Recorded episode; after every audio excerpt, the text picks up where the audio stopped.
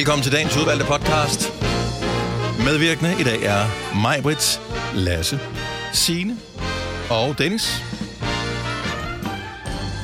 Udmærket podcast, Ja. som du har øh, i vente. Tør jeg ikke sige så meget andet. Vores øh, nye chef han er stadigvæk i studiet, så øh, lad os bare holde os til en den historie. podcast. Ja, det bliver Ja, en så fin fin podcast. Vi håber, du vil øh, nyde den lige så meget, som vi har nydt fuldstændig upresset at lave det her program med ham i studiet i Ja. tre timer. Så, så øh, Tror du også, han er der i morgen? det er et spørgsmål, om vi er, men øh, det vil tiden vise. Så hvis det bliver sidste gang, så Ja. adieu. Ja, det var dejligt at hyggeligt. kende. Ja, det var dejligt. Dagens udvalgte podcast starter Nu. nu.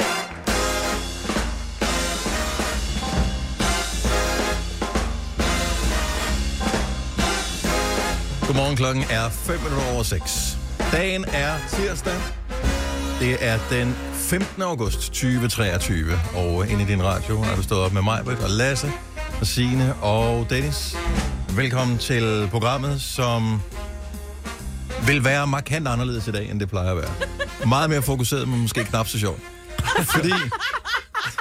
Og vi kan lige så godt adressere, øh, nu siger jeg ikke elefanten, men øh, en person, som er i rummet her.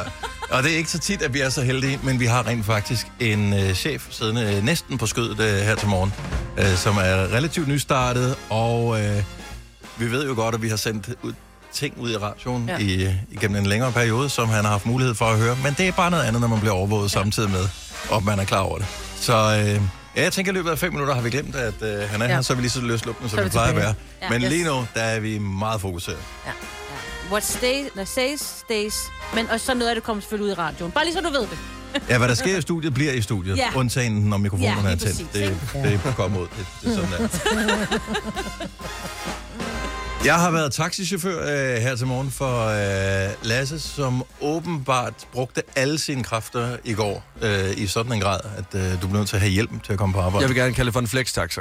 Ikke bare en taxa, fordi min krop er en kok spaghetti i dag. Altså, jeg var udsat for muligvis øh, det mest voldsomme, jeg har oplevet hele mit liv. Og det var ikke engang meningen. Det er faktisk det, der nok er det værste af det hele. Fordi jeg skulle have været til bodyfit i går. Noget, som øh, de fleste mødre på 40 år kender til, fordi det er en form for hyggelig træning, og det er en god måde at starte op på efter en ferie. Mm-hmm. Problemet var, at jeg havde set forkert på klokken, så jeg kommer en time for sent til bodyfit.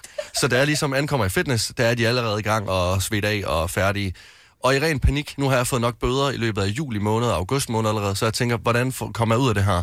Hiver fat i en af de andre øh, medarbejdere nede i fitnessområdet øh, der, og får så overtalt hende til, at jeg, kom, altså, at jeg må komme på det næste hold, så jeg ikke får en bøde. Jeg har ikke set, hvilket hold det er. Udover, der står en skaldet mand med fuldskæg og ligner Tom, Ra- Thomas uh, Ratchaks uh, lillebror. Men jeg tænker slet, okay, det kan ikke være så slemt, fordi de er bodyfit, så kan det ikke være noget voldsomt. Men det hedder Functional uh, Body CrossFit uh, Training. Ja.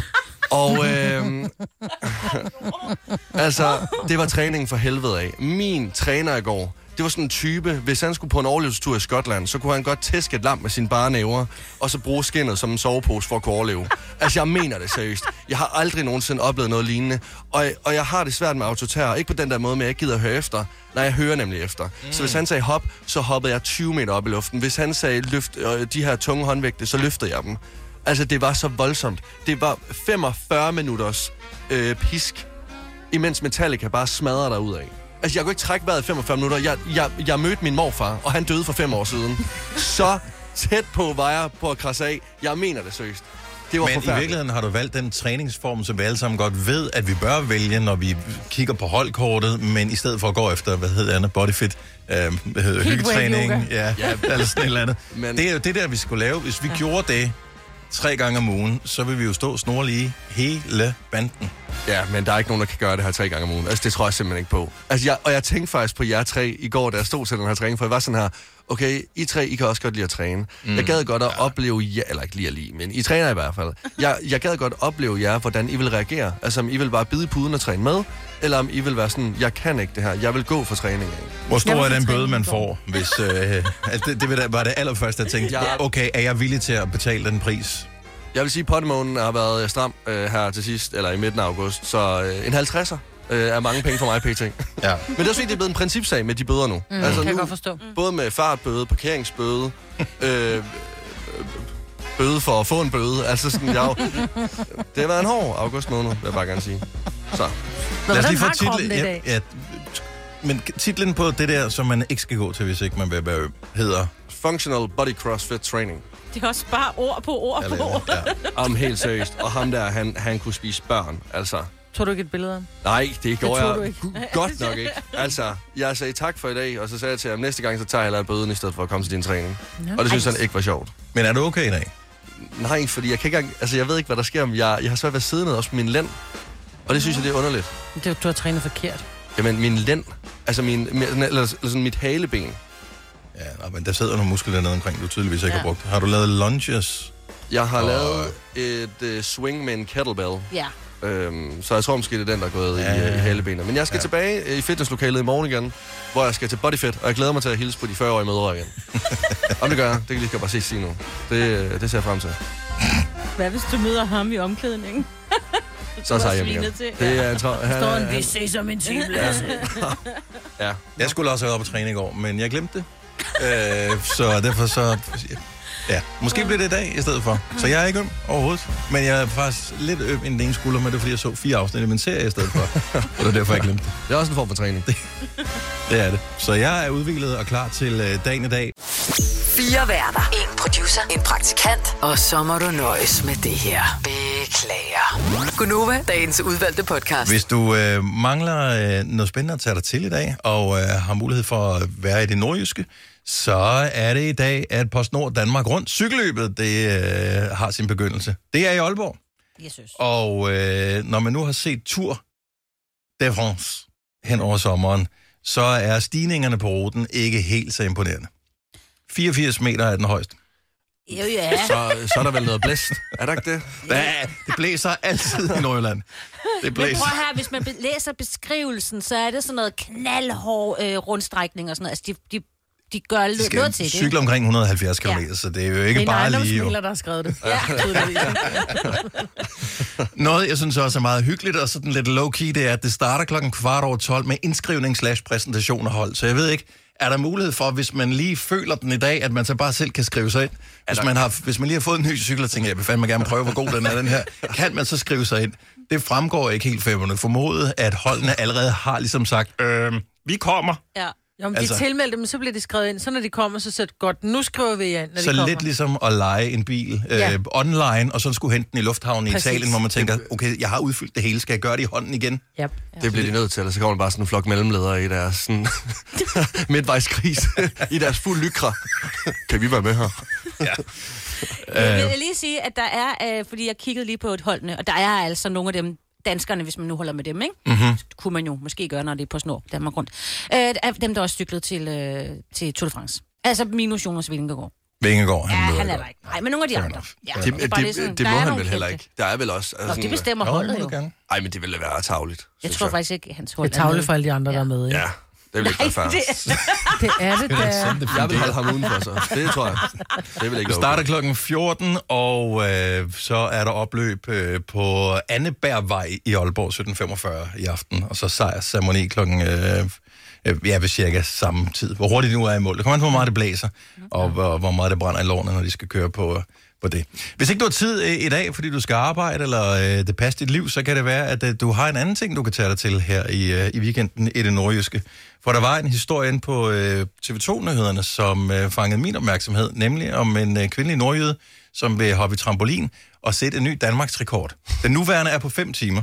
5 timers uafbrudt trampolinhop, hvilket er meget. ja.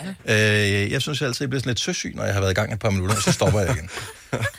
øh, hun vil nu slå rekorden øh, ret eftertragteligt med øh, 13 timers uafbrudt trampolinhop. Okay, Det er så også for crazy. jeg har lige et spørgsmål, fordi vi har en trampolin, og jeg har en søn på 13, der elsker at hoppe i trampolin. Hvis jeg engang med hopper derop, så skal jeg tisse.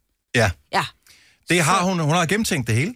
Øh, vil jeg sige. Hun har købt øh, noget, der kan indkapsle eventuelle kropsvæsker for den øh, okay. del af anatomien, som øh, siver ud, Okay. når man hopper.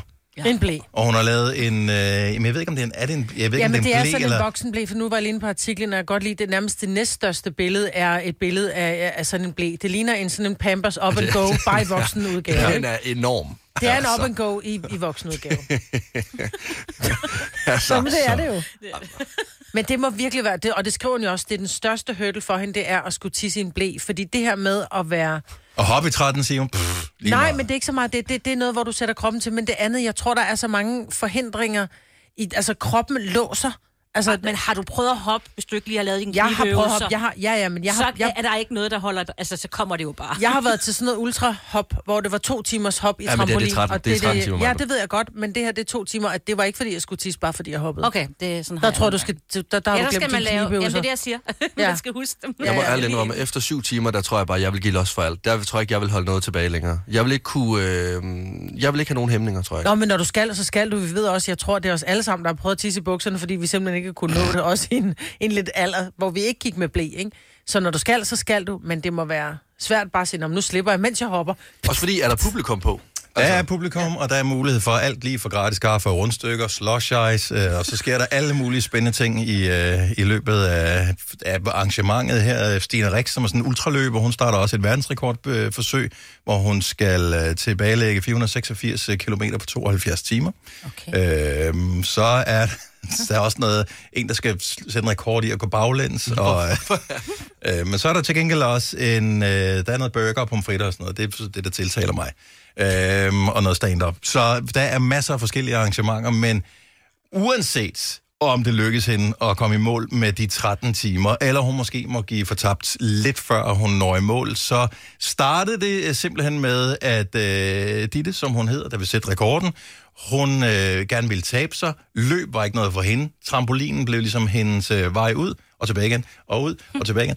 øhm, og øh, nu har hun så fundet ud af, at øh, det er det, ja, det er hendes skæbne, trampolinen. Så øh, hun man gik kan fra sige- at bare kunne hoppe lidt, til at måske kunne hoppe 13 timer. Alt held og lykke til. Og man kan sige, at hun vil hoppe 13 timer, men rekorden er jo på 5, så hvis hun bare hopper i 6, så har hun jo stadigvæk fået sin rekord, men hun vil gerne slå en, altså gerne lave en personlig rekord, ikke? Du har hun også købt blæn. Det er det. Ja. Vi kalder denne lille lydkollage en sweeper. Ingen ved helt hvorfor, men det bringer os nemt videre til næste klip. Gunova, dagens udvalgte podcast. Det er en af de store, runde fødselsdage i Danmark. Ja, fordi præcis i dag, for 180 år siden, der fik Geo Carstensen at vide af kongen, at han gerne med opføre et forlystelsessted i København. Nu vil jeg lige sige København, midten af København. Der var jo ikke så meget København på det tidspunkt. Nej. Bare lige sådan. Øh, og det er Tivoli. Ja. Så Tivoli fylder 180 år. Wow. Wow. Så jeg har Wow. samlet lidt Wow. uh, info for jer, så I lige kan gå og blamere jer lidt. Sådan. Uh, yes, yes.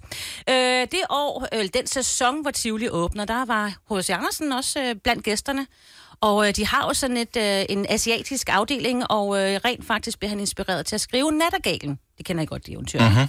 Ja, jeg kan også sige, at det kostede en, en mark at komme ind. Øh, og hvis man nu ville have sådan et, øh, sådan et turpas-agtigt, eller sådan en, et tivoli-kort, så var det kun for herrene. Man kunne enten købe en til en herre, eller en herre med en dame, eller en herre med to damer, ikke? Jeg kan lige sige, selvfølgelig. en herre med to damer. Ja, ja, så var der, så var Så der det var at plads. accepteret, men ikke at damerne prøvede forlystelserne. Nej, nej. Det var jo... Ja, ja, det var kun herrerne. Det var en anden tid. Jeg kan sige, at der går jo øh, 6 mark til en rigsdaler. Og, ja. Øh, I 1914, der øh, blev den gamle rutsjebane, som vi kender den i dag, den blev opført, og den hed faktisk bjergrutsjebane, så hvis man har prøvet den, så Ja, kan den man godt ikke den se- gamle rutsjebane dengang, jo. Nej, Det ville være dumt. men hvis jeg har prøvet den, så har I set, der er sådan nogle... Ja, man kører ind i nogle bjerge, Ja, ja, ja, ja. ja, lige ja. præcis. Og der kan jeg rent faktisk sige, at under 2. verdenskrig, øh, der var der lidt energikrise, så der måtte man selv trække den op. Øh, eller de havde folk til det. Ej, men jeg synes også, det er meget overskudsagt at lige øh, hoppe ind i en tur i en rutsjebane under 2. verdenskrig. Ja, men det var Der kan altså var være ikke den, men vi skal også lige nå at hygge De os skulle også hygge sig lidt, ikke? Og der var jo øh, lyst, så de måtte gøre det. Så de trak den op på toppen, og Så så, man skulle, de jeg ved ikke, jeg- alle har prøvet den gamle Ja. rutsjebane. Ja, det, Øh, og den bliver trukket så højt er det heller ikke op, men den fun- fungerer jo øh, ved tyngdekraft, så den kommer op på toppen, og så snart den kommer hen over toppen, så er der ikke noget motor eller noget undervejs. Nej. Så er det tyngdekraft, der, der kører den hele vejen rundt. Der sidder en chauffør på, øh, som bremser den en lille smule, så den ikke kører af sporet, hvilket den faktisk gør en gang imellem. Ja. Så nogen har skulle skubbe den der relativt tunge trærutsjebane Ja. op på Altså, de, toppen. gik, ja, de har lavet sådan noget, sådan noget snurværk. Nå, okay, så de det var ikke sådan, man skulle ikke gå ud bagved. Nej, men, men jeg har Og så skynde sig hoppe ind, ligesom en bobslæde. Der, nej, men noget lignende, ikke? Mm-hmm. Og øh, den 25. juni, eller natten til den 25. juni 1944, så var der nogle nazi-sympatisører, sympatisører hedder det, som øh, sned sig ind i haven og lagde nogle øh, bomber rundt omkring, blandt andet i glassalen og koncertsalen, og der gik det, når de sprang, så gik de lige ud over øh, rutsjebanen også, mm. hvis man har hørt den historie. Øh, Tivoli var lige lukket i 14 dage, og så var alt godt igen. Øhm, der er ikke tid. der har været nogle forskellige arrangementer derinde. Det fedeste, jeg indtil videre har set, det var øh, Dansk Bi- Bicycle Clubs øh, øh, hvad hedder det, arrangement. Der var et cykelløb med væltepetercykler. Jeg kan sige, der var det gad jeg godt at se. 5.000 gæster, der var mødt op. Ja, øh, der skal du lige... Øh, det, ja, det var der Tivoli... øh, Det er for 140 år siden, plus minus. Okay. Så der var du ikke helt alene. Øh, turpasset blev indført i 1983. Hvor Okay, der så også måtte øh, ny komme, øh, ja. hvor der måtte komme dag, ny. hvor damer også måtte købe det. Ja, ja, så, Okay. okay. ja, ja, det er begyndt. Og øh, i 1997, der øh, fandt den allerførste fredagsrock øh, sted, og det var med den gale pose og hvid chokolade. Og som en ekstra øh, lille kuriositet her på Tivolis 180 års fødselsdag, kan jeg fortælle, at det er rent faktisk en Nova-lytter, som har øh, foreslået navnet til øh, forlystelsen Vertigo. Det er den, hvor øh, flyvemaskinen den kører rundt, som da den blev... Øh, øh, hvad det, øh, åbnet, øh, der, der var vi her på Nova med til at navngive øh, forlystelsen, og, øh, og der kunne man også styre det der fly selv, og, og vinde på hovedet og sådan noget. Det har man lavet om på efterfølgende, fordi... Ja, Folk får det ikke, godt hvorfor. fra. Den forlystelse, det Hvis de- er det sygeste i hele verden. Hvis det er det Tivoli åbnede, der var der kun to kørende forlystelser. Der var en rutsjebane og en karusel. Det var det. To ting. Ja, men jeg havde ikke plads til så mange. Jeg havde fået at vide, at jeg skulle lave fem ting. Ja. Nå, jeg synes bare, det var sådan en lille ekstra ting. Men anyway, uh, anyway uh, Vertigo, er det den værste forlystelse, de har? Nå, nu siger den værste. Den, som er mest uh, kvalmefrembringende uh, Ja, af der er, jo, forlystelserne. der er jo G-kraft og alt muligt. Altså, det er jo nærmest, du burde jo godt kunne øh, sådan, uh, tage den med i, uh, i at blive jægersoldat. At du skulle ind og prøve Vertigo. Jeg synes ikke, G, jeg synes ikke G-trækning er det værste. Jeg synes, det er det, der sådan drejer rundt. De havde en forlystelse, Jamen, det der gør den jo hed også. Kålormen.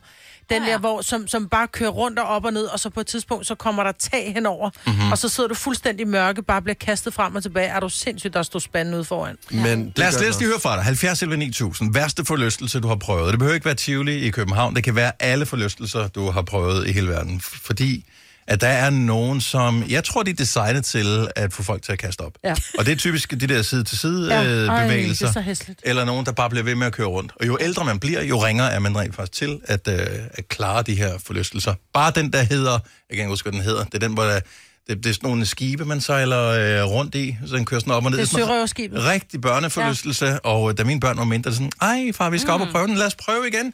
En tur, så har jeg det skidt i ja. øh, en halv time efter. Så det er for mig den værste forlystelse. Der skal ikke meget til. Jeg har prøvet alle de andre.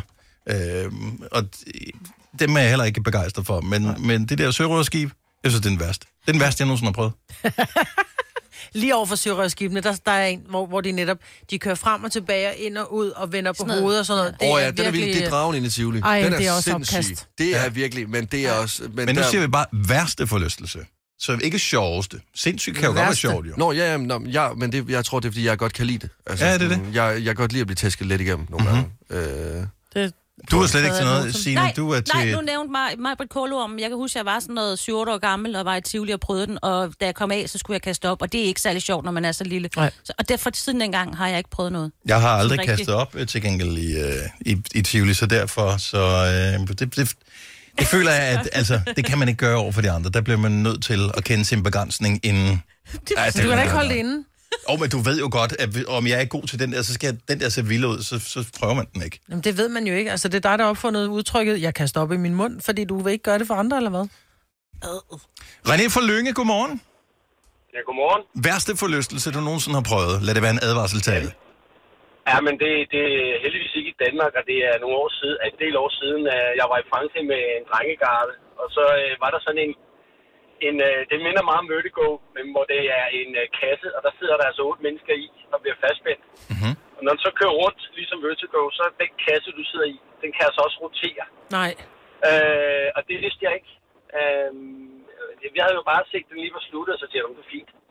Altså, jeg har aldrig været så dårlig, at jeg kastede op. Jeg var syg i tre dage. Altså, det var... Fordi forestil når den kører rundt, og selve kassen, du sidder i, den kører altså også rundt 180 grader. Og det er en ene vej, og så kører den den anden vej. Men så man sidder over for hinanden, otte mennesker, eller hvad? Og du sidder bagved. Du sidder sådan en lang række. altså, Hvor de, øh, ja, der var heldigvis ikke nogen, der kastede op, men det var, øh, ej, det var virkelig øh, det var en døds, dødsnær oplevelse, hvad jeg lige vil sige. Ja. Det var virkelig fedt. Ikke ret. Ikke ret. Øh, Kan du huske, hvad forlystelsesparken hed? Nej, fordi det var sådan omrejsende. Vi var i, øh, vi var i Frankrig i Le Havre og skulle spille sådan en drengegard. Mm. Øh, og der øh, stod den der jo, øh, de, og så tænker jeg, hvorfor ikke? Lad os da prøve det. Altså, Ja. Og når man er børn, så tør man mere, ikke? Ja, ja præcis. Ja, det er det. det, er det. René, tak for ringe. Jeg håber, du får en fantastisk dag. Ja, tak lige måde. Godt program. Tak skal du have. Hej. Uh, Jesper fra Frederikshavn har prøvet en forlystelse, som han heller ikke ser tilbage på med, uh, med glade minder. Godmorgen, Jesper. Ja, godmorgen. Hvad er det for en uh, forlystelse, som er den værste, du nogensinde har prøvet? Jamen, det må være Ferrari World i uh, Dubai i uh, hvad hedder det, 2014. Dengang, der var det, verdens, hvad hedder det verdens hurtigste rutsjebane. Og Uh, den, var, den var vild, lad os sige det. Du, du lyder stadig meget rystet. hvad, hvad, altså, øh, hvad, hvad skete der noget med dig? Hvad, blev du, øh, blev du syg og dårlig efterfølgende? Nej, eller? nej, nej, altså, hvad hedder det, du blev trukket op fra start af, så blev du trukket op, hvad hedder det, op på toppen af en bak.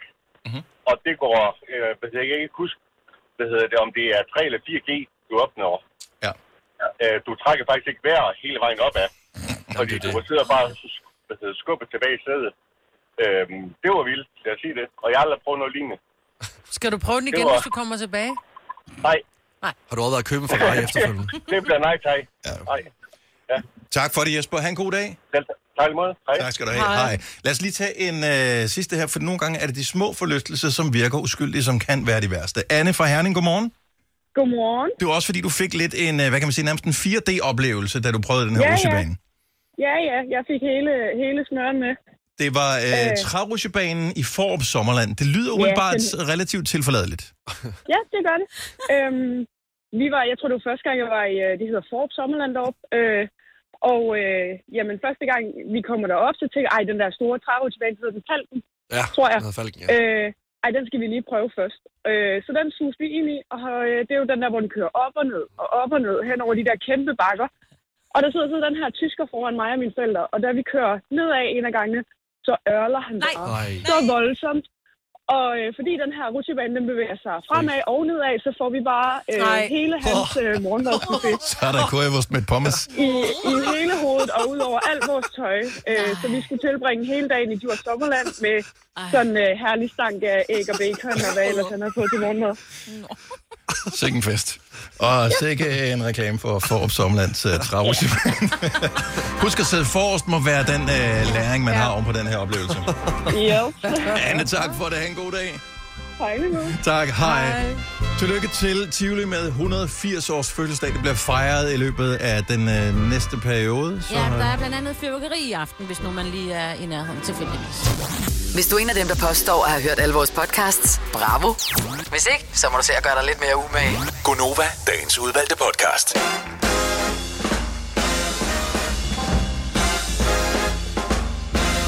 Godmorgen, klokken er 7 minutter over 7. 15. august 2023 med mig, Britt og Lasse Signe. Jeg hedder Dennis. Nu nævnte jeg lige for et øjeblik siden, at øh, du kunne blive øh, traumatiseret eller få en forbi. Øh, så var jeg lige ude i studiet i kortvarigt, mens vi spillede den første sang i den her time. Og da jeg kommer tilbage, snakker jeg om madpakker og, øh, og sådan noget fra folkeskolen. Mm-hmm. Det er ikke den slags traume, øh, vi er ude i her. Selvom det også kan være... Det bliver der ribbet op i hver eneste gang, jeg skal smøre en madpakke til mig selv. Jeg vil sige, den ligger altså også dybet. Hver gang jeg ser øh, en, øh, en lille mad, der er pakket ind i sølvpapir, ligge i en plastikpose, så øh, får jeg en lille form for opkast i min mund. Men det kan, jeg synes, at det kan, godt, det kan være fint nok, men der er bare nogle ting, som skal overholdes i forbindelse med madpakker, og en af de allervigtigste er, at den skal ikke være lavet i for god tid i forvejen, og så skal den være opbevaret på køl, så kan den lige gå an. Og ingen makrelsalat. Det, Eller der er ikke altså en masse uskrevne regler Ja. omkring, Ja. når man Ja. putter Det er på. Heller ikke noget ost, der lugter, heller ikke noget æg, der er heller ikke noget med tun. Der er mange ting, der kan gå galt med det der. Men, og jeg ved ikke, om du ved det, Maja, måske ved du det, Signe, er der nogle regler for, øhm, at at børn i skolen øh, skal have et koldt sted at opbevare deres madpakke. Jeg synes, det er vanvittigt, Jamen, det at man i, i alle skoleklasser ikke har et køleskab. Men det er fordi, at det er noget med forsikring at gøre, fordi at man kan ikke have et køleskab øh, stående, fordi der er jo også noget med rengøring, og hvem skal have ansvaret. Skolen kan ikke have ansvar. Kan man ikke bare og gøre det som en duks? Vi, En lavede, duks- jamen, vi spurgte i ja. vores klasse og sagde, at vi vil gerne sponsere et køleskab. Du kunne købe et køleskab til 500 Ja, kroner. ja. Det vil vi gerne som forældre øh, sponsere, øh, sådan så der kunne komme et køleskab ind i klassen. Og det blev nedspændt, nedstemt, fordi det koster jo strøm jo. Ja. Åh, okay, men her er normalt, så Vil du er ikke det jo Men det koster også livsglæde. Det koster Ja. også livsglæde at få Ah, men en øh, helt ja, ærligt. 20 grader varm mad. Fordi vi sagde jo også, prøv at høre, vi vil gerne, altså sådan så børnene på skift skal gøre det her køleskab rent, ikke? Og plus også, at de fleste har en madpakke, som er pakket ind i ting. Altså, det er ikke sådan, at man bare sætter en... Børn er nogle små svin, og det kan vi Ja. lige så godt Jo, jo, sige. og, vel. øh, Der er også børn, der lytter med nu. Øh, det er I. Øh, prøv, Du er et lille men, svin. men, men, men, det er voksne også, vil jeg så bare lige sige. Ja, ja. Og det vi starter med, at man er barn af et svin, og så fortsætter det typisk Altså, igennem hele livet. vores køleskab hernede på arbejdspladsen skal jo også rengøres mange gange selv. Det har vi jo og, vi nogen, der ligesom har et ansvar for, at det bliver Yes, gjort. Men vi er jo stadig voksne mennesker til selv at rydde op efter os selv. Jeg Og vil bare mene, at hvis man har ansvaret for at øh, undervise børn, så for at de får en god skolegang, så burde det være en meget lille ting, at man en gang hver eller hver anden uge skulle sætte nogen til at rengøre køleskab. Det er en det vil, jeg, ikke? det vil jeg vurdere, at man godt kunne sætte i system, uden der vil være, være nogle problemer ja. i det. Jeg kunne bare godt tænke mig, at, øh, at der, er ikke, der er ikke nogen grund til at give børn mindre lyst til at, at spise mad. Og man ved bare, selv hvis man har glemt madpakken på arbejde en dag, man er jo ved at dø af sult, når man når frokost, og man er ikke en skid ved resten af dagen. Nej. Så, øh, men øh, hvis du er en af dem, der har lavet en lækker madpakke til dit barn, good for you. Ja. Godt for dit barn. Ja. Så er det. Nej, det var det andet traume, øh, jeg faktisk øh, talte om.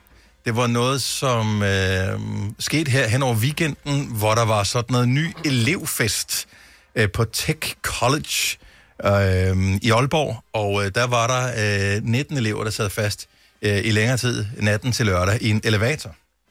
Ja, det kan jo ske. Og øh, jeg vil formode, at der måske potentielt godt kunne have været enten ungdomligt øh, kodhed eller alkohol involveret i det her. Øh, det er midt om natten. Øh, det er klokken 10 minutter i 3 om natten, at Nordlands øh, beredskab bliver ringet op, fordi de sidder fast i den her elevator, som er, hvor der er plads til 10. Øh, Og der de er sådan, 19. Der er de 19 inde i. Ja, det er også dumt, ikke? Ja, men altså, Jo, men altså, man kan sige det sådan, man er jo så er man tvunget til at være sammen. det er man ja. Det er en god måde for sådan en uh, russe sammen tur. Ja. Jo, det er en god rustur, ikke? Ja, men præcis. hvis man nu skulle være i en elevator, hvis man gerne ville være i en elevator, hvor man sagde, okay, halvanden time, eller hvor længe det nu end havde været, de sad fast, hvem vil man så gerne være spadet i en elevator sammen med? 70 selv 9000. Jeg gad godt med Pink. Og jeg gad godt sidde i en elevator... Hun vil have det til gengæld mig. Who the fuck are you? Stop med at stille mig spørgsmål nu. Og oh, stop singing, Køb Maj-Brit, min stop bog, singing. den kommer til jul. Ja, det er det. Jeg elsker jo Pink. Jeg synes, hun er... Hun er Hvad vil du tale med hende om? Jamen, jeg vil tale med hende omkring hendes liv, og hendes, øh, hun har jo været, altså hun starter med mange af hendes sange, sådan noget, prøv, jeg gider ikke blive, blive sammenlignet med, med, med Britney Spears, og jeg vil bare gerne være mig selv, den der måde, hvordan hun egentlig er kommet frem, uden at være det her klassiske øh, blonde, store bryster øh, eksempel, øh, som man skulle være, da hun startede. Altså, der alt var autotune, du skulle bare være smuk, og Pink kom og var helt sig selv. Men hun er bare sej hele vejen igennem. Hun er, hun er den der måde, hun laver akrobatik, når hun holder øh, koncerter, og hun Men er... tror du, det vil være hyggeligt? Altså, det er jo Ja. et tvunget interview, det her. Det er jo ikke noget, du selv har sagt ja til, jo. Nej, det er rigtigt. Det kan godt være, men hun, jeg tror, hun kan slå på tæven. Hun ligner en, der I skal ikke komme op og slås, eller? Nej, nej, Altså, jeg har ingen idé om, hvad, hvad, hvad du har forestillet, der skal ske inde i den det elevator. Er, Jeg er vil det bare ikke sådan, gerne være helt tæt på hende. Men man, man ved jo ikke selv, man kommer til at hænge fast. Uh-uh. Der er ikke noget værre sted at møde fremmede mennesker end inde i en elevator. Nu bor jeg i en ejendom, og jeg bor på 6. sal, og jeg tager øh, 99 ud af 100 gange elevatoren, mm. i stedet for at tage trappen. Selvom jeg sagtens øh, kunne, men jeg gider ikke. Det er nemmere at tage elevatoren. Jeg hader, når jeg møder andre mennesker i elevatoren. Ja. Ja. Så når jeg, hvis den stopper på 5. sal, så jeg ved, at jeg skal køre hele vejen ned i stuen sammen med nogen, som jeg bor i opgang med. Jeg aner ikke, hvad jeg skal tale med dem om. Tænk så at møde et fremmed menneske og hænge fast i halvanden time. Men sådan for penge. Rædselfuldt. Synd for penge. Til gengæld vil man jo gerne have en, hvor der ikke er akavet tavshed i halvanden time. Ja.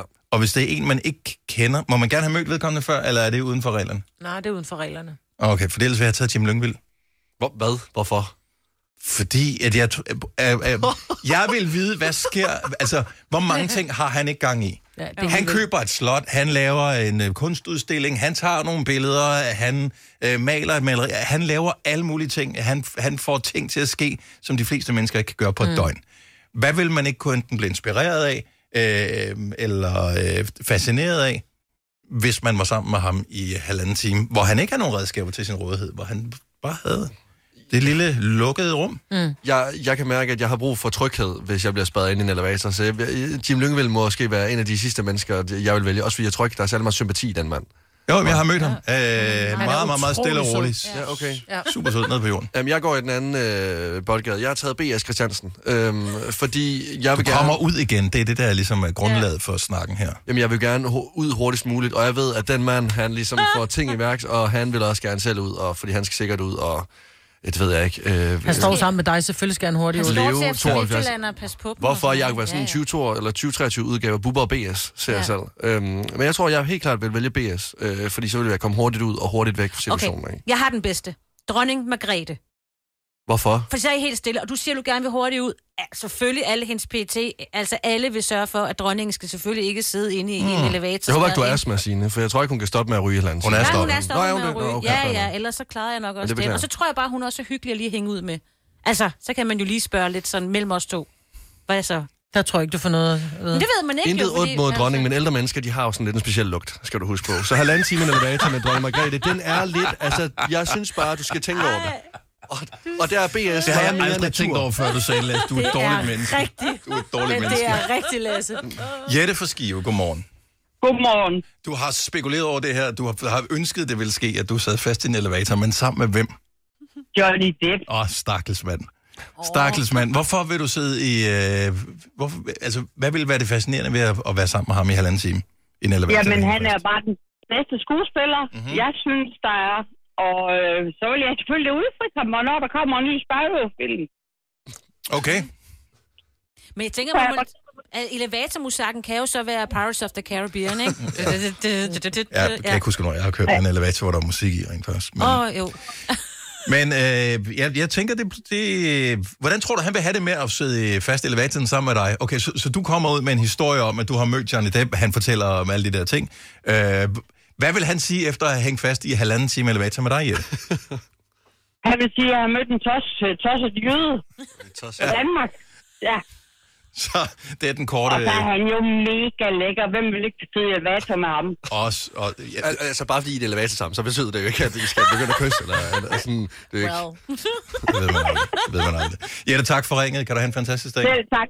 Og tak for en god radio. Tak skal du have. Hej. Hej. Hvis du øh, har en, en fantasi om at være spærret inde i en elevator øh, med nogen, så giv os en ring og forklar, hvem du tror, du vil få det interessant sammen med. I skal ikke dø sammen. Altså, I hænger bare fast sammen i I er elevatoren. tvunget til Det at være tvunget tæt sammen i halvanden time. Ja. Søren er med på telefon. Godmorgen, Søren. Godmorgen. Der står Midtfyn på min skærm. Det er jo et vidt begreb. Kan vi få en by på, bare lige så dine øh, byfælder, de kan genkende dig? Ja, jeg bor i noget, der hedder Fjellerup. Fjellerup. Sådan der. Smilesby. Søren, hvis du hang fast i en elevator og selv kunne vælge, hvem du skulle sidde sammen med, hvem, øh, hvem vil så få æren? Det skulle være gitarristen fra Queen, ham der hedder Brian May. Han Oh, er ja. fantastisk. Alene hvordan han har beholdt det der store krøllede garn i øh, 45 år. Det, Lige øh, præcis. er, det, er, Lige det, er det hårdt tips, eller hvad vil du vide øh, fra ham, hvis du Nej, sagde jeg, det? jeg, har ikke, jeg har ikke selv noget hår. Jeg, øh, til dels så øh, synes jeg, at det er fascinerende historie, han har med den guitar, han har bygget sammen med sin far. Den kunne jeg godt tænke mig at høre noget mere om. Okay, ja. Og, ja, det, det, det, det, han har, øh, gitaren er bygget af noget rester og et eller andet, et eller andet, og der findes kun den ene, og de har prøvet at efterligne den, og det kan bare ikke lade sig gøre. Okay. Øhm, og så udover det, så er han jo, jeg mener, det er astrofysiker eller sådan et eller andet. Han er jo en lynende intelligent mand, og så samtidig så er han fuldstændig nede på jorden. Øhm, jeg har været fascineret af ham lige siden jeg så noget behind the scenes til deres store koncert i Wembley. Mm-hmm. Der, øh, der stod han ude bagved sammen med en lydmand og bare stod og sniksnakkede. Og så øh, ligner det sådan, at der er en, der siger, hov, du skal øve ind nu. Og så ser man det fra den anden side, hvor han så går ud, og så står der jo så bare 50.000 mennesker. Og han ser fuldstændig upåvirket ud, da han været det ude for, når ja, det er det her, jeg skal. Sådan en rolig mand kunne jeg godt tænke mig at møde. Jeg kan godt forstå det, og jeg vil skrive under på, at han er et meget, meget, meget fascinerende menneske. Øhm, og øh, meget reflekteret menneske, og øh, meget lidt dømmende menneske. Jeg tror, man kunne lære meget af ham, hvis man øh, fik øh, halvanden time sammen med ham. Om ikke andet, så bare godt selskab. Lige præcis. Man kan jo håbe, han havde gitaren, men han synger også helt vildt godt. Det gør han i hvert fald. Øh, godt bud, Søren. Tusind tak for dit ring, og jeg håber, du får en fremragende dag. Tak, og i lige måde. Tak skal du have. Hej. Så øh, hvis ikke du gør i forvejen, så vil jeg faktisk anbefale at følge Brian May på Instagram, hvor han indimellem er flittig bruger. Øh, og han poster alt muligt, som både handler om øh, musikken sammen med Queen, hvor de jo turnerer sammen med Adam Lambert i ny og næ. Øh, men øh, han har også nogle ting, som handler om verdensrummet, og så har han det med at, at, at lave sådan nogle stereobilleder, som han laver, hvor hvis man drejer telefonen og kigger på dem på en bestemt måde, så kan man pludselig se sådan 3D-agtigt, selvom man ikke har briller på. Åh, oh, det er sygt. Ja, så han er et, øh, et hyggeligt bekendtskab. Så Brian May er navnet på ham. Øh, elevator, apropos. Har I hørt, hvad der vil... Altså, hvad skal man gøre, hvis man sidder i en elevator, der hænger fast, og den pludselig begynder at køre alt for hurtigt nedad mod bunden? Så kan man hoppe. Det er der mange, der tror, og det troede jeg også, og derfor tænkte jeg, at jeg bliver nødt til at tjekke op på det, inden vi taler om det i radioen. Det må man aldrig gøre. Aldrig hoppe. Du må aldrig nogensinde hoppe, fordi det, der sker, det er, at øh, man kommer til at ramme bunden med den øh, hastighed, som elevatoren falder med, og øh, det betyder, at man måske rammer bunden med op imod 10 gange sin egen vægt. Au. Så det er ikke sikkert, at man lige har mulighed for at øh, fjedre i benene, så det øh, bliver en god idé. Så øh, allerhelst skal man, hvis der er mulighed for det, lægge sig ned, Mm. så man fordeler øh, presset eller trykket på kroppen over et størst muligt område, så kommer man mindst til skade, selvom det virker lidt Ej, hvor nøjeren. Ja. Hvis ikke man kan ligge ned, fordi der er 19 eller personer i elevatoren, øhm, så kan man sætte sig ned igen. Fordele presset på et større område. Jeg tænker, hvis nu man kunne finde et eller andet at holde fast i, så man hang. Så vil din øh, kropsvægt jo stadigvæk være 10 gange Ja. højere, så får du meget lange arme, og højst sandsynligt øh, Meget kort Ja. får, får, får du ødelagt dine arme og falder ned og ødelægger dine ben. Nå, Og når så elevatoren den åbner, så ligger mig bare derinde som jeg tager trappen. Det øh, kan man gøre, det er der mange, der gør. Jeg har kigget øh, efter noget statistik på, hvor mange elevatorer, der om året falder ned i Danmark, og øh, tallet er, som jeg har fundet frem til, 0. Øh, så tag elevatoren, det skal nok øh, gå stille og roligt. Hvis der står, der må være 10 personer, så er der ved med kun 19 derinde. Hvis du er en af dem, der påstår at have hørt alle vores podcasts, bravo. Hvis ikke, så må du se at gøre dig lidt mere umage. Gonova, dagens udvalgte podcast. Har du brug for sparring omkring din virksomhed? Spørgsmål om skat og moms, eller alt det andet, du bøvler med? Hos Ase Selvstændig får du alt den hjælp, du behøver, for kun 99 kroner om måneden. Ring til 70 13 70 15 allerede i dag. Ase gør livet som selvstændig lidt lettere. Netto fejrer fødselsdag med blandt andet 200 gram bakkedal 10 kroner, 10 e-lykke skrabeæg 12 kroner. Gælder til og med fredag den 15. marts. Gå i Netto. Haps, haps, haps. Få dem lige straks. Hele påsken før, imens billetter til max 99. Haps, haps, haps. Nu skal vi have... Orange billetter til max 99. Rejs med DSB Orange i påsken fra 23. marts til 1. april. Rejs billigt, rejs orange. DSB, rejs med. Haps, haps, haps. Vi har opfyldt et ønske hos danskerne. Nemlig at se den ikoniske tom skildpadde ret sammen med vores McFlurry. Det er da den bedste nyhed siden nogensinde. Prøv den lækre McFlurry tom skildpadde hos McDonald's. 5 år, 15.000 kroner. Det er vores daglige dyst, som øh, starter på 15, og nu er på 120.000 kroner. Rikke for Faxe, godmorgen. Godmorgen. Er det dig, der kan øh, vriste pengene ud af Majbrits, Lasse eller Sines iskolde greb?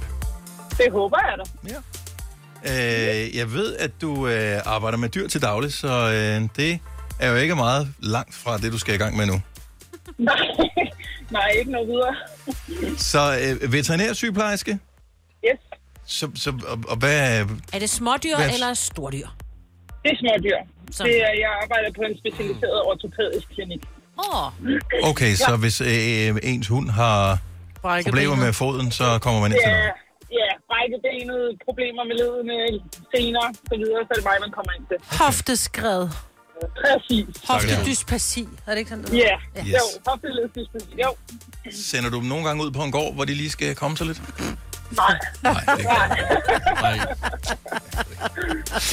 Rikke, vi har øh, fem år, der venter på at øh, finde en marker, og øh, den marker skal jo helst matche mellem dig og, og, øh, og Majbet, kan jeg fornemme det er. Ja, Ja. præcis. Er det, øh, er det Majbet, som er din... Øh, tror, du, tror du, det er hende, der, der kan? Du må også vælge Signe eller Lasse, hvis du har lyst. Vi kan nå at lave det om endnu. Nej, jeg tænker, det er mig, det er hende, jeg sådan mest har, har lyttet til, skulle jeg til at sige, så jeg tænker, det er hende, vi prøver. Ved du hvad, så tager vi øh, Majbet, men det betyder Rikke, så held og også... lykke. Majbet skal rejse sig, hun skal forlade os. Hun må ikke høre den første del af konkurrencen. Det vil gøre det lidt for nemt at matche ordene. Ja. Hun øh, har forladt os nu. Der er fem år, der er 120.000 kroner. Alle ordene skal øh, være de samme. Nu spørger jeg først om dine ordassociationer. Noter dem ned, og øh, når vi har hørt dem, så kommer mig tilbage. Jeg kommer med sine. Matcher de, så er du en vinder. Rikke, lad os spille. Fantastisk. Fem år, Ja, jeg gør det. 120.000 sammen med Lendme. Ord nummer et er Elde. A-L-T-E. Elde. Nej, Ord nummer to. Le. Græs. Ord nummer tre. Pæl. P-E-L. Pæl. Mm, mil, mile, mile.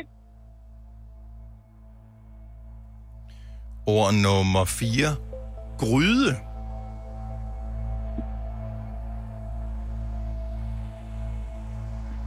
Gryde. G-R-Y-D-E. Gryde. Og så lå. Og det sidste ord er krop. K-R-O-P. Krop. Menneske. Menneske. Dine fem år, Rikke, som du har sagt til mig, er ved ordet elde, der siger du dig. Ved ordet le, der siger du græs. Ved ordet pæl, der siger du mile. Ved ordet gryde, der siger du lå. Og ved ordet krop, der siger du menneske. Vi holder fast ved den. Så er der kun én ting tilbage, og det er at finde ud af, om det er de rigtige ord, du har valgt her til morgen. Og mig var der tænkt sig at vælge de samme. Det er det, vi satser på. Yes. Vi er hurtige her til morgen. Rikke, jeg kommer til at skrue ned for dig nu. Det er super. Held og lykke. Tak. Fem år. 120.000. Puljen den stiger med 5.000 kroner for hver uge, men det kunne jo være, at vi skulle tilbage til start igen efter dagens udgave, hvis alle ordene matcher. Ord nummer et, som Rikke fik, var Elte. A-L-T-E, Elte. Nej. God start. Ja. Ord nummer to. Le. L-E. Le. Åh, det er jo sådan, jeg tænker manden med len, men jeg er jo måske også, har lige en nej-hat på lige nu, men det kan også være grine. Le. Jeg håber, du har den der, ja, du virkede glad. Jeg siger grine.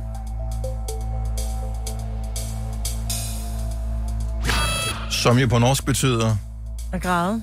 hvilket nok er det, som Rikke gør, når nu får hun taget græs. Ord nummer tre, Majbrit. Pæl. P-E-L. Pæl. Pæl. Øh, en lygtepæl. Øh, en pæl. Pæl! Lyg... Nå, Du har ikke sagt lygte... Det er jo øh, lygte... Øh, en pæl. Det er jo træ. Træ.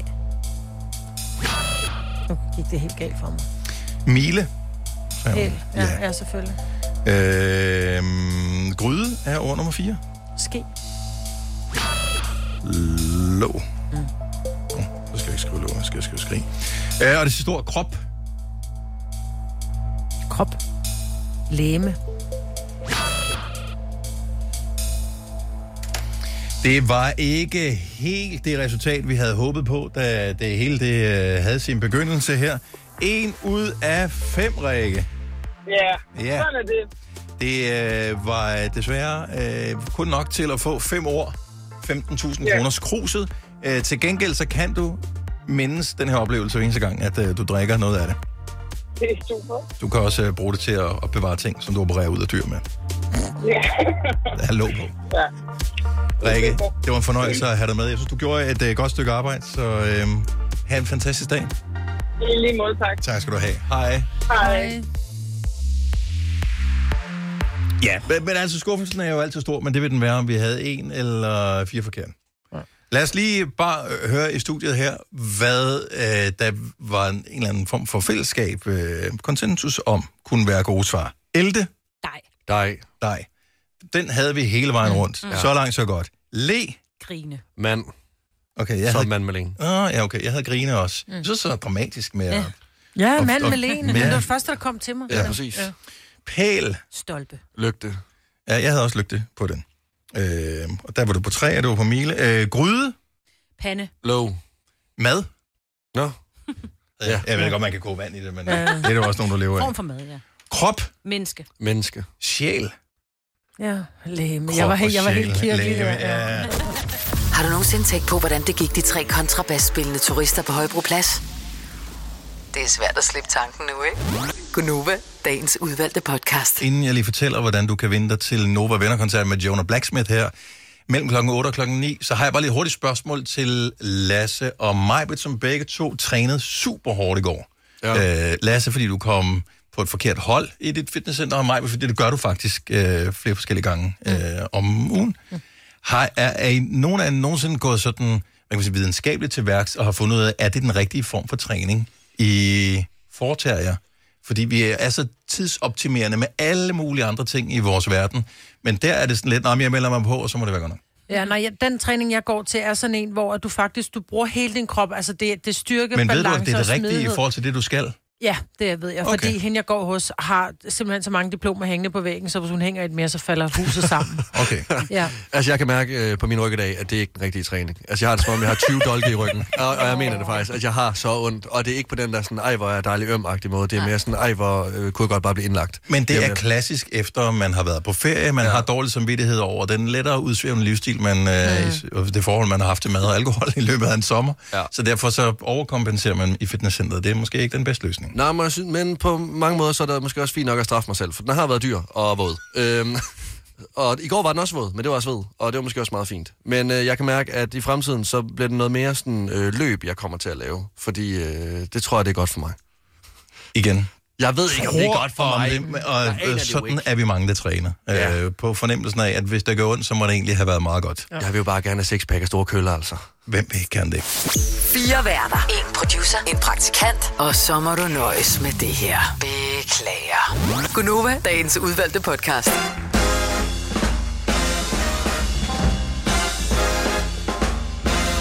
9 minutter over 8. Der er fuld plade i studiet, faktisk i højere grad, end man øh, overhovedet kunne øh, turde håbe på, øh, når man øh, kigger ind i studiet her. Udover dem, du kan høre, så er der også øh, en spion, et spøgelse, en øh, overvågning, en øh, flue på væggen herinde i studiet. Så der er Majbert og Lasse, Sina og Dennis. Og hvis vi opfører os bare marginalt bedre, end vi plejer at gøre i radioen, så er det fordi, at vores relativt nystartede øh, nye chef sidder øh, ved siden af og bare lige skal se, hvordan gør vi egentlig i virkeligheden. Ja. En ting er, hvad der kommer ud i radioen. Hvordan gør de det? Og øh, der bliver sikkert en PowerPoint-præsentation øh, på et tidspunkt, som vi eller andre i virksomheden bliver præsenteret for, og derfor forsøger vi at, at gøre, hvad vi kan, for at den øh, falder ud til vores fordel. Ja, altså, jeg synes, det var øh, angst nok at skulle til eksamen i 20 minutter i gymnasiet. Nu er det en 3 timers lang eksamen, hvor sensor bare sidder nede for bordet og bare kigger på en. Ja. Det er meget sådan... Men gruppeeksamen er altid anderledes. Ja, det er rigtigt. Det, øh, der, Og er nogen, altid der nogen, der kan løfte en. vi, vi, vi løfter dig, Lasse. Ja. Ja, der, er, der er en på holdet, der vil kaste en under bussen til hver en tid, og jeg nævner ikke nogen navn, Michael. Men apropos det der med gruppeeksamen, sådan er det i virkeligheden at have søskende. Altså, der er nogle gange, der er du on your own, andre gange, der er man ligesom sammen om forskellige projekter, øh, og øh, man ved aldrig rigtigt, hvad karakteren er, hvis forældrene spiller øh, sine kort på den rigtige måde. Men nogle forældre, de lader det skinne lidt igennem, hvem er det egentlig, der er løfter her, og hvem er med på en øh, badebillet. Så, øh, og jeg har hørt fra nogen, som godt ved, at øh, de er øh, deres forældres favoritbarn. Og øh, hvad betyder det i virkeligheden for et menneske at vide, at man er nummer et? Er allerede derhjemmefra, uden at have gjort andet end at være blevet født? 70 eller 9000. Er du din forældres favoritbarn? Signe, du sidder og, du sidder og griner derovre. Ja, må, jeg, må jeg rose mine forældre lige nu her? Ja, gør lige det først da. Selvfølgelig er der en del gange, øh, hvor man føler, at man bliver forfordelt. Mm. Øh, især når man er den ældste og har mindre søskende, som er øh, henholdsvis 5 og 7 år yngre end en selv, så er der nogle ting, som nogle privilegier, som man ikke er opmærksom på, man havde, øh, som man har glemt, som man så lægger mærke til, når de yngre søskende får dem. Og så Ja. kan man godt blive lidt misundelig. Man havde bare glemt, eller var ikke opmærksom på, at man fik dem, da man var alene. Øh, så ro til mine forældre for, at jeg aldrig, jeg har aldrig 100% kunne vurdere, hvem de synes bedst om. Åh, oh, det er godt. Så øh, godt arbejde. Ja, altså jeg har aldrig været i tvivl om, at øh, øh, min mors specielt favoritbarn hjemme med mig, det er min storebror. Ja. Og sådan er det, og det er det mu- muligvis stadigvæk. Men det er jo en og så- tragedie at have det på den måde. Men han er også, han også, han har noget doktorgrad, ikke? Ja, ja. Åh, du ved, Ja. ikke? Jamen, og han er sjov, og han er også pæn og sådan noget. Så det, Det er du jo, da jo, også. Jo. Ja, ja. Det, Du, har, han, du også. har din bror været på forsiden af M? Det tror jeg ikke, han har. Det har Hallo. du. Ikke? Sådan. Hallo. Martin, Ikke? Sådan. Nå, men så, så har, Har jeg du det? også... Ja, ja, det tager vi Hey. Jeg har også... Øh, jeg er jo gift med Søren, øh, og han har øh, to søskende. Søren er den ældste. Han har Mhm. Lise. Øh, hun er skuespiller, og han har øh, Rasmus, som er... Han har lige været færdig med at være øh, øh, direktør i for kommunikation i Læger Uden Grænser. Altså, Ja, ja, okay, Redder fint nok, mennesker, ja. ikke? Og nu har han fået klima... Hvad kan du gøre? Udgående Dan, Jørgensen, Så, minister. så Søren, din mand, ved, han er, han er i top 3 noget. Ja, ja, der er der. Ja. Men vi drak... Øh, og plads til forbedring. Sørens mor fuld, øh, mens vi var på ferie, og fik hende til at indrømme, at det var Rasmus, der er hendes favoritbarn. Mm. barn. Hun fortrød selvfølgelig bagefter, da hun havde fundet ud af, at hun havde siddet og fortalt det, men vi, det var nemt at lige at drikke hende fuld, så hun indrømmede det. Altså, jeg hører jo tit fra mine børn, altså specielt mine store børn, hvis Tilly, som er den yngste, jeg har tvillinger på 21 og en datter på 15, og dem på 21, de siger, nå, så Tilly y-barnet, var, hvor jeg sådan bare, nej, men hun er den yngste, og hvis man får meget kærlighed, altså, jeg har det sådan, hvis Tilly putter op med mig, så er du hende, jeg sidder og putter med i sofaen, Mhm. mm-hmm. så kommer der, nå, så sidder du og putter med y-barnet. Du har aldrig givet putte. Men det er jo også Nej. fordi, at Altså- dem, som har været der længst tid, bliver jo ikke ved med at være spændende jo. Sådan var det også hjemme hos os. Stærk. Nå, men, nå, men, prøv nu her, og mine forældre har været gode til ikke at, sådan, at sige det direkte til min søster, men altså, vi har da godt kunne mærke det. Vi har da også talt om det efterfølgende. Jeg er yndlingsbarnet. Nå. Det Er du det? Ja, det er. Altså, jeg, kan, og, det er, og jeg kan også mærke det, når jeg kommer ud i øh, den virkelige verden nu her. Jeg skal pakkes ind i bobleplast. Altså, på mange måder. Men det er fint. Men, Øh, men, men er det normalt, at man ved... Nu har vi to allerede her i studiet, som ved, hvor de ligger henne på skalaen 70, 11, 9000. Er du din forældres yndlingsbarn? Det er jo ikke sådan, at de andre bliver skubbet ud af redden på den Ah, måde, men kan du bare mærke, at... Oh, jo, jo, jo. Jeg Søren må tror- selv Altså, sig sine regninger, da han flyttede hjemmefra. Det gjorde Rasmus men- ikke. Men, men jeg tror, det yngste, det yngste barn bliver på en eller anden måde altid passet lidt bedre på, fordi vi har som forældre enormt travlt med at, at bibeholde det her lidt. Jeg er nødt til at stadigvæk at have et barn, så hvis vi stadigvæk mm. er lidt... Vi, vi, pamper, we pamper you, hvad hedder det? Vi, øh, Jamen, der bliver nu sådan noget omkring. ja, vi køler lidt, ikke? Ja, og, ja, og, så, og, og det er også at det ældste barn har taget flere tæsk, så at altså, alle fejlene er blevet brugt på det barn, og så øh, kan der virkelig sådan blive brugt sådan ægte, ikke fordi det er uægte kærlighed til det første, men sådan, der kan virkelig blive... Øh, Jeg vil bare lige sige noget. Det er min storebror, der er yndlingsbarn. Rasmus Sørens bror er mellembarnet. Ja. Mm-hmm. Og du er så yngste barn. Så faktisk lige nu er vi, er, spiller vi på alle tre klaver her. Ja, okay. Jamen, Ja. fa- men så, er min, jamen, så er min. Men jeg tror også, det er fordi yngste barnet får lov til mere. De første børn passer vi enormt meget på. Altså, du må ikke noget. Du må ingenting. Du må ikke få cola. Du må ikke kravle på væggen. Du må ikke noget. Så er tredje barnet, man får, så er det sådan lidt, ah, men det sker der jo ikke noget ved. Så derfor så får det, som de andre kalder y-barnet, får lov til mere, når yndlingsbarnet må. Vi andre må det ikke. Hmm, okay, men, men det kan vi se, øh, hvad hedder det, når, når du ringer ind 70 11 9000, øh, passer det, at det altid er den yngste, Ja, lad os se, som vi ser det. får lov, og den første er bare sådan... vi se, nu skal vi se, vi har Lærke fra øh, Amager på telefon. Godmorgen, Lærke. Velkommen til. Mange tak. Du er yndlingsbarnet, Det er jeg, ja. og, det, og vi sagde det øh, i går også, da vi, da vi nævnte det her. Du er ikke ene barn, vel, for så giver det sig selv.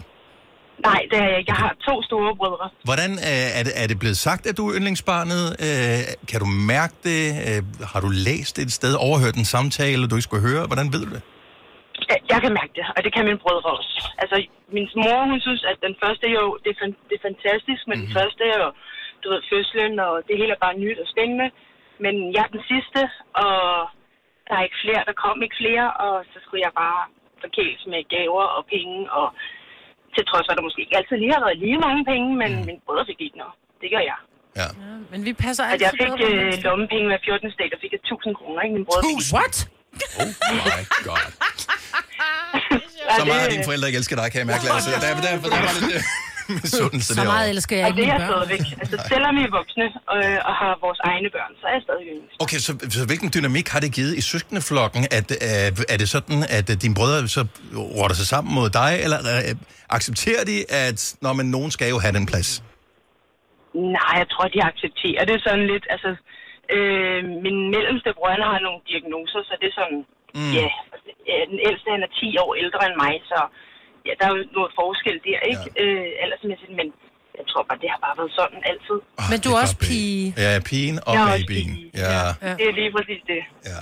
Kommer det til at ødelægge ja. resten af dit liv, at, øh, at du altid lige har fået lidt mere end de andre? Altså forventer du mere af andre mennesker, tror du? Øh, nej, jo, måske. Når jeg har fødselsdag, og jeg ikke lige det er jo lidt forkælet, så kan jeg godt blive sådan lidt øv. Prøv at du har fået 1000 kroner hele dit liv. Du behøver jo ikke mere, mand. Man har altid brug for Men mere. altså, jeg ved det jo godt, og det er jo, altså, mine egne forventninger har jeg jo bare lært sådan stille og roligt at sætte ned. Altså, jeg var heller ikke det der barn, der skulle have et fritidsjob, fordi... Nej, det er klart. Du var allerede millionær i en alder af 15. Lasse han vil for evigt være misundelig over det her. Lærke, tusind tak for ringet. Jeg håber, du får en skøn dag. Jo, tak, og i lige måde. Tak, hej. Vi kalder denne lille lydkollage en sweeper. Ingen ved helt hvorfor, men det bringer os nemt videre til næste klip. Gunova, dagens udvalgte podcast. Er du din forældres yndlingsbarn? Jeg tror, jeg kom til at sige for lidt siden, at det er øh, nærmest en dans på roser at være øh, forældrenes øh, yndlingsbarn. Og det er ikke nødvendigvis øh, tilfældet. Maria fra Eskestrup, godmorgen. Godmorgen. Og velkommen til. Jeg troede, at det var øh, en fornøjelse at, at, at være yndlingsbarnet. Det er det ikke altid. Nej, altså, så udover goder, man får, hvad er så øh, nederen ved det? Det er, at øh, jeg har en søster, som er fire år ældre end mig, som jeg ikke har set i 13 år. Og hvad skyldes det, at, øh, at det blev proklameret, at du var den bedste? Nej, fordi hun måtte det hele, jeg måtte ingenting. Mm-hmm. Og det synes jeg var enormt snyd. Ja. Men til gengæld så fik jeg mange flere ting, hvis Mhm. man kan sige det sådan. Og jeg fik nok mere kærlighed, end min søster gjorde. Ja. Så, Fordi jeg var den lille. Det var altid, lad nu Maria, hun er den lille. så, så du, øh, storesøster i to søskende, det var det hele? Ja. Ja. Og så en eller anden form for rivalisering, som man som søskende ikke har mulighed for at vinde, fordi man ikke aner, hvordan man skal påvirke det. Ja. Og den kunne hun ikke leve med. Nej. Og i virkeligheden har du ikke gjort noget for at være det. Du har bare været dig jo. Ja. Og været fanget i den her. Så, så, så det med, at det kunne være en positiv ting at være yndlingsbarnet, har været... Det er det ikke altid. Det, Jeg har det nyt ikke. godt af det, ingen tvivl om det, mm-hmm. men, men altså, til gengæld har jeg mistet min storesøster ved det, ikke? Ja, alting kommer med en pris. Jeg håber, at... Øh, jeg ved godt, hvis det er gået 13 år, sådan noget, så er det måske lidt svært at klinke skoene der. Men øh, Hun kom ikke til min fars begravelse. Nej. Min mor døde, der kom hun, vi snakkede ikke sammen meget, meget akavet. Mm. Da min far så døde, dukkede hun ikke engang op, så der, øh, der satte hun et, et punktum hos mig. ja, det er hårdt at miste sin, øh, sin familie. Tak fordi du ringede og delte med os, Maria, så det ikke blev øh, en dans på roser det hele. Det er det i hvert fald ikke, men øh, sådan er det. Det er op og ned af alting, ikke? Ha' en god dag. I lige måde, tak. Tak skal du have. Hej. Hej. Ikke? Og det havde jeg slet ikke overvejet. Nej. At uh, der kunne være noget. Så derfor skal man også som forældre være enormt opmærksom på, hvordan man fordeler sol og vind og så videre. Ja. I, uh, Det er vigtigt at elske sine børn lige meget, men selvfølgelig er du Det også kan nødt du til at jo være... ikke, jo. Jo, jeg vil sige, jo, det kan man godt. Nå, men- du elsker, du elsker da dine tre unger lige meget, men du elsker dem på forskellige måder. Nå, men man elsker jo ikke sine børn lige meget hele tiden. Altså, det er da klart, at den ene dag er det ene barn nemmere eller sjovere, ja, ja. eller et eller andet, den anden dag er det noget andet. Hvis du kigger øh, ud over det hele på, øh, på et år og på et liv og så videre, så er der ikke tvivl om, at alle har fået lige meget og meget mere end overhovedet de kunne håbe på. Jo, men som jeg også siger til mine børn, når de er virkelig slemme, så er det bare sådan, lige nu kan jeg faktisk ikke lide dig, men du skal huske, jeg elsker dig altid. Og sådan går det nok begge veje, også med fra børn til forældre.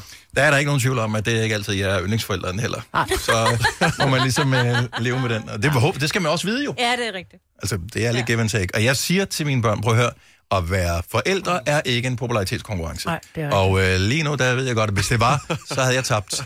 Øh, men øh, det er mit job. Sara fra Frederiksberg, godmorgen. Godmorgen. Så vi sad og kiggede lidt på den her med, hvem er yndlingsbarnet? Er det den ældste, eller er det den yngste? Er det den midt imellem? Er der øh, en eller anden ting? Så nu har vi talt med et par stykker, som har været yngste barnet, som har været yndlingsbarnet. Er du den yngste også?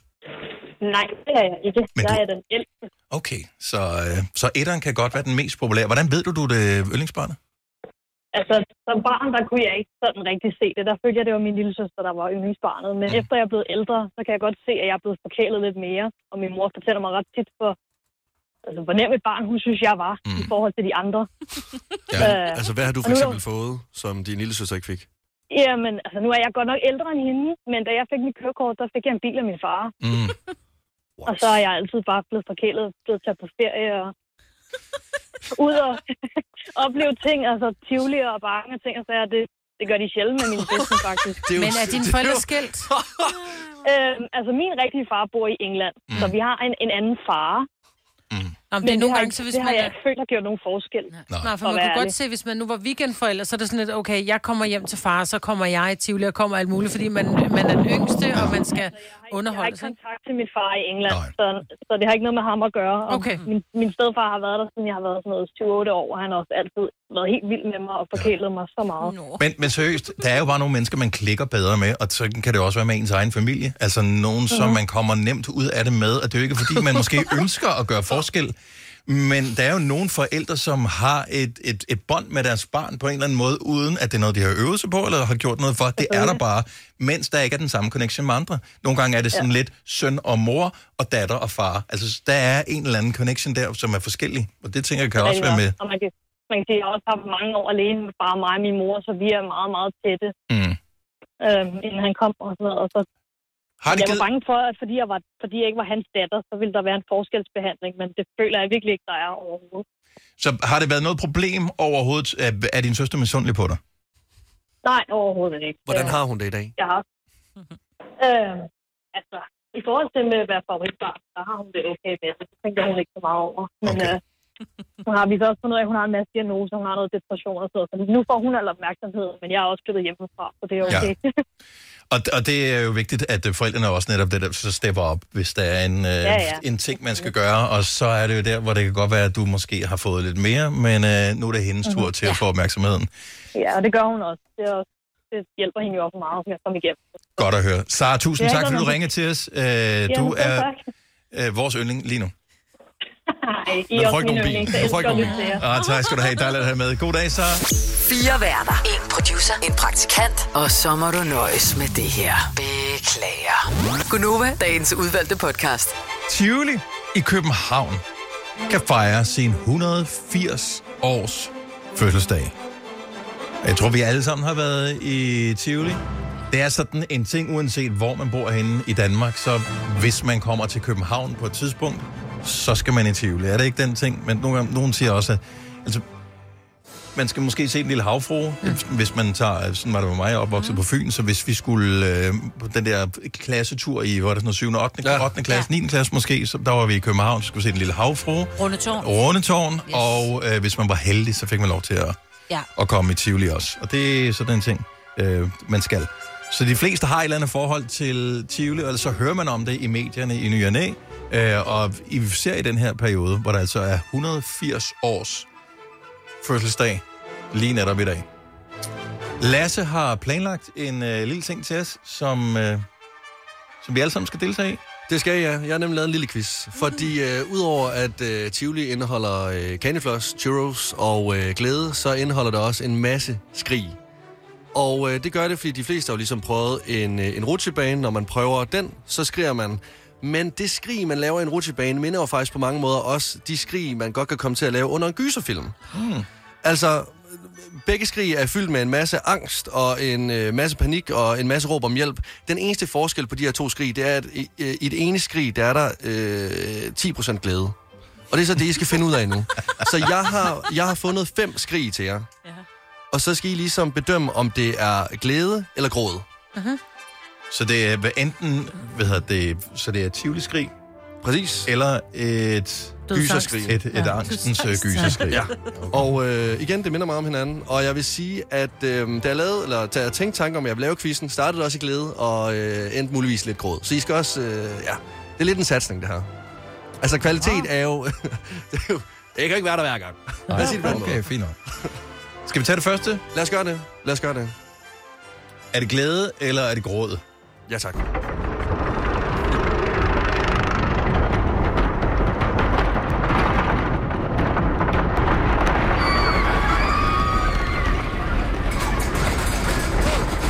Den var virkelig svær. Ja, men jeg de- tror, det var glæde. Ja. Jeg tror, det var uh, rusjebanen. Jeg, jeg skal bare lige høre, øh, kunne du, du godt have fundet på at mixe øh, tingene sammen med noget andet, for ligesom at kamuflere, hvad det er? Det kan jeg. Det, det, det, altså, jeg er quizmaster. Jeg tager ikke med ind i maskinrummet nu.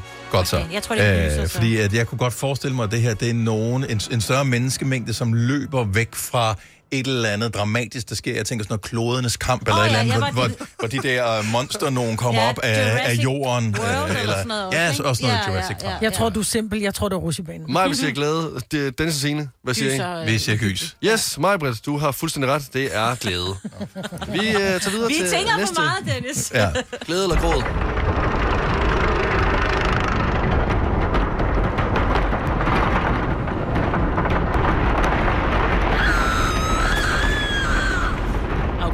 Det er gys. Er. Og det kunne godt være mig i øh, en hvilken som helst forlystelse i Tivoli, det der. Så gys.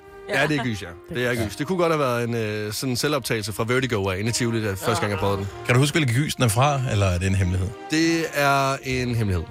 Men der kommer, der kommer muligvis noget velkendt noget senere, okay. Men så har jeg ikke afsløret for meget. Træeren lyder sådan her. Ja. Tivoli, 180 år. Glæde eller gråd?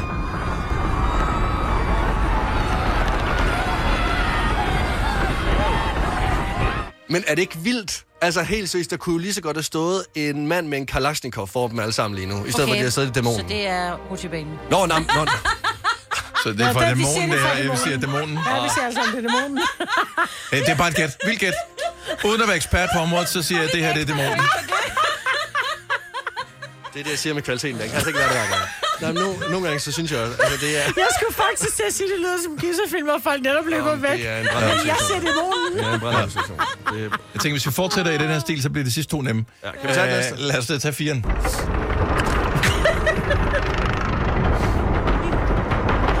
Jeg elsker, at du bare knækker under pres, Lasse. Ja, okay. Det Så det er The Grudge, som er ude at køre i, øh, ja, i rutsjebanen. Ja, det var bare, fordi jeg tænkte, det ville være et sjovt billede, lige måske. Ja, Også fordi, hvad vil du gøre? Altså, du er spændt fast.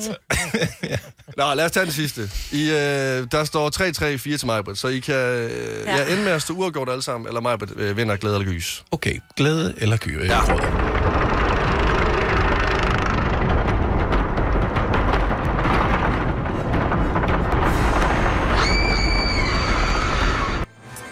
Rart, det der. Nej, men jeg tror, det er noget... Øh... Ej, det var, der er nogen, der er ægte bange der. Er det det? Ja, det er Nej, jeg gys. tror sgu, det var noget rutsjebane. Ja, det tror jeg også. Så gys. Og jeg udligner. Ja. Så Dennis, du får point. Signe får ingenting, Majbrit får ingenting. Så det vil sige, Majbrit og Dennis, I, øh, I kender, til, øh, I kender bedst til skrigene. Og den, der først får den anden til at græde, vinder konkurrencen Ja. endeligt. Så øh, tillykke, Maja. Du har hørt mig præsentere Gonova hundredvis af gange, men jeg har faktisk et navn. Og jeg har faktisk også følelser. Og jeg er faktisk et rigtigt menneske. Men mit job er at sige Gonova, dagens udvalgte podcast. Det bliver den store tårved afsked. Ja. Hej hej. Hej.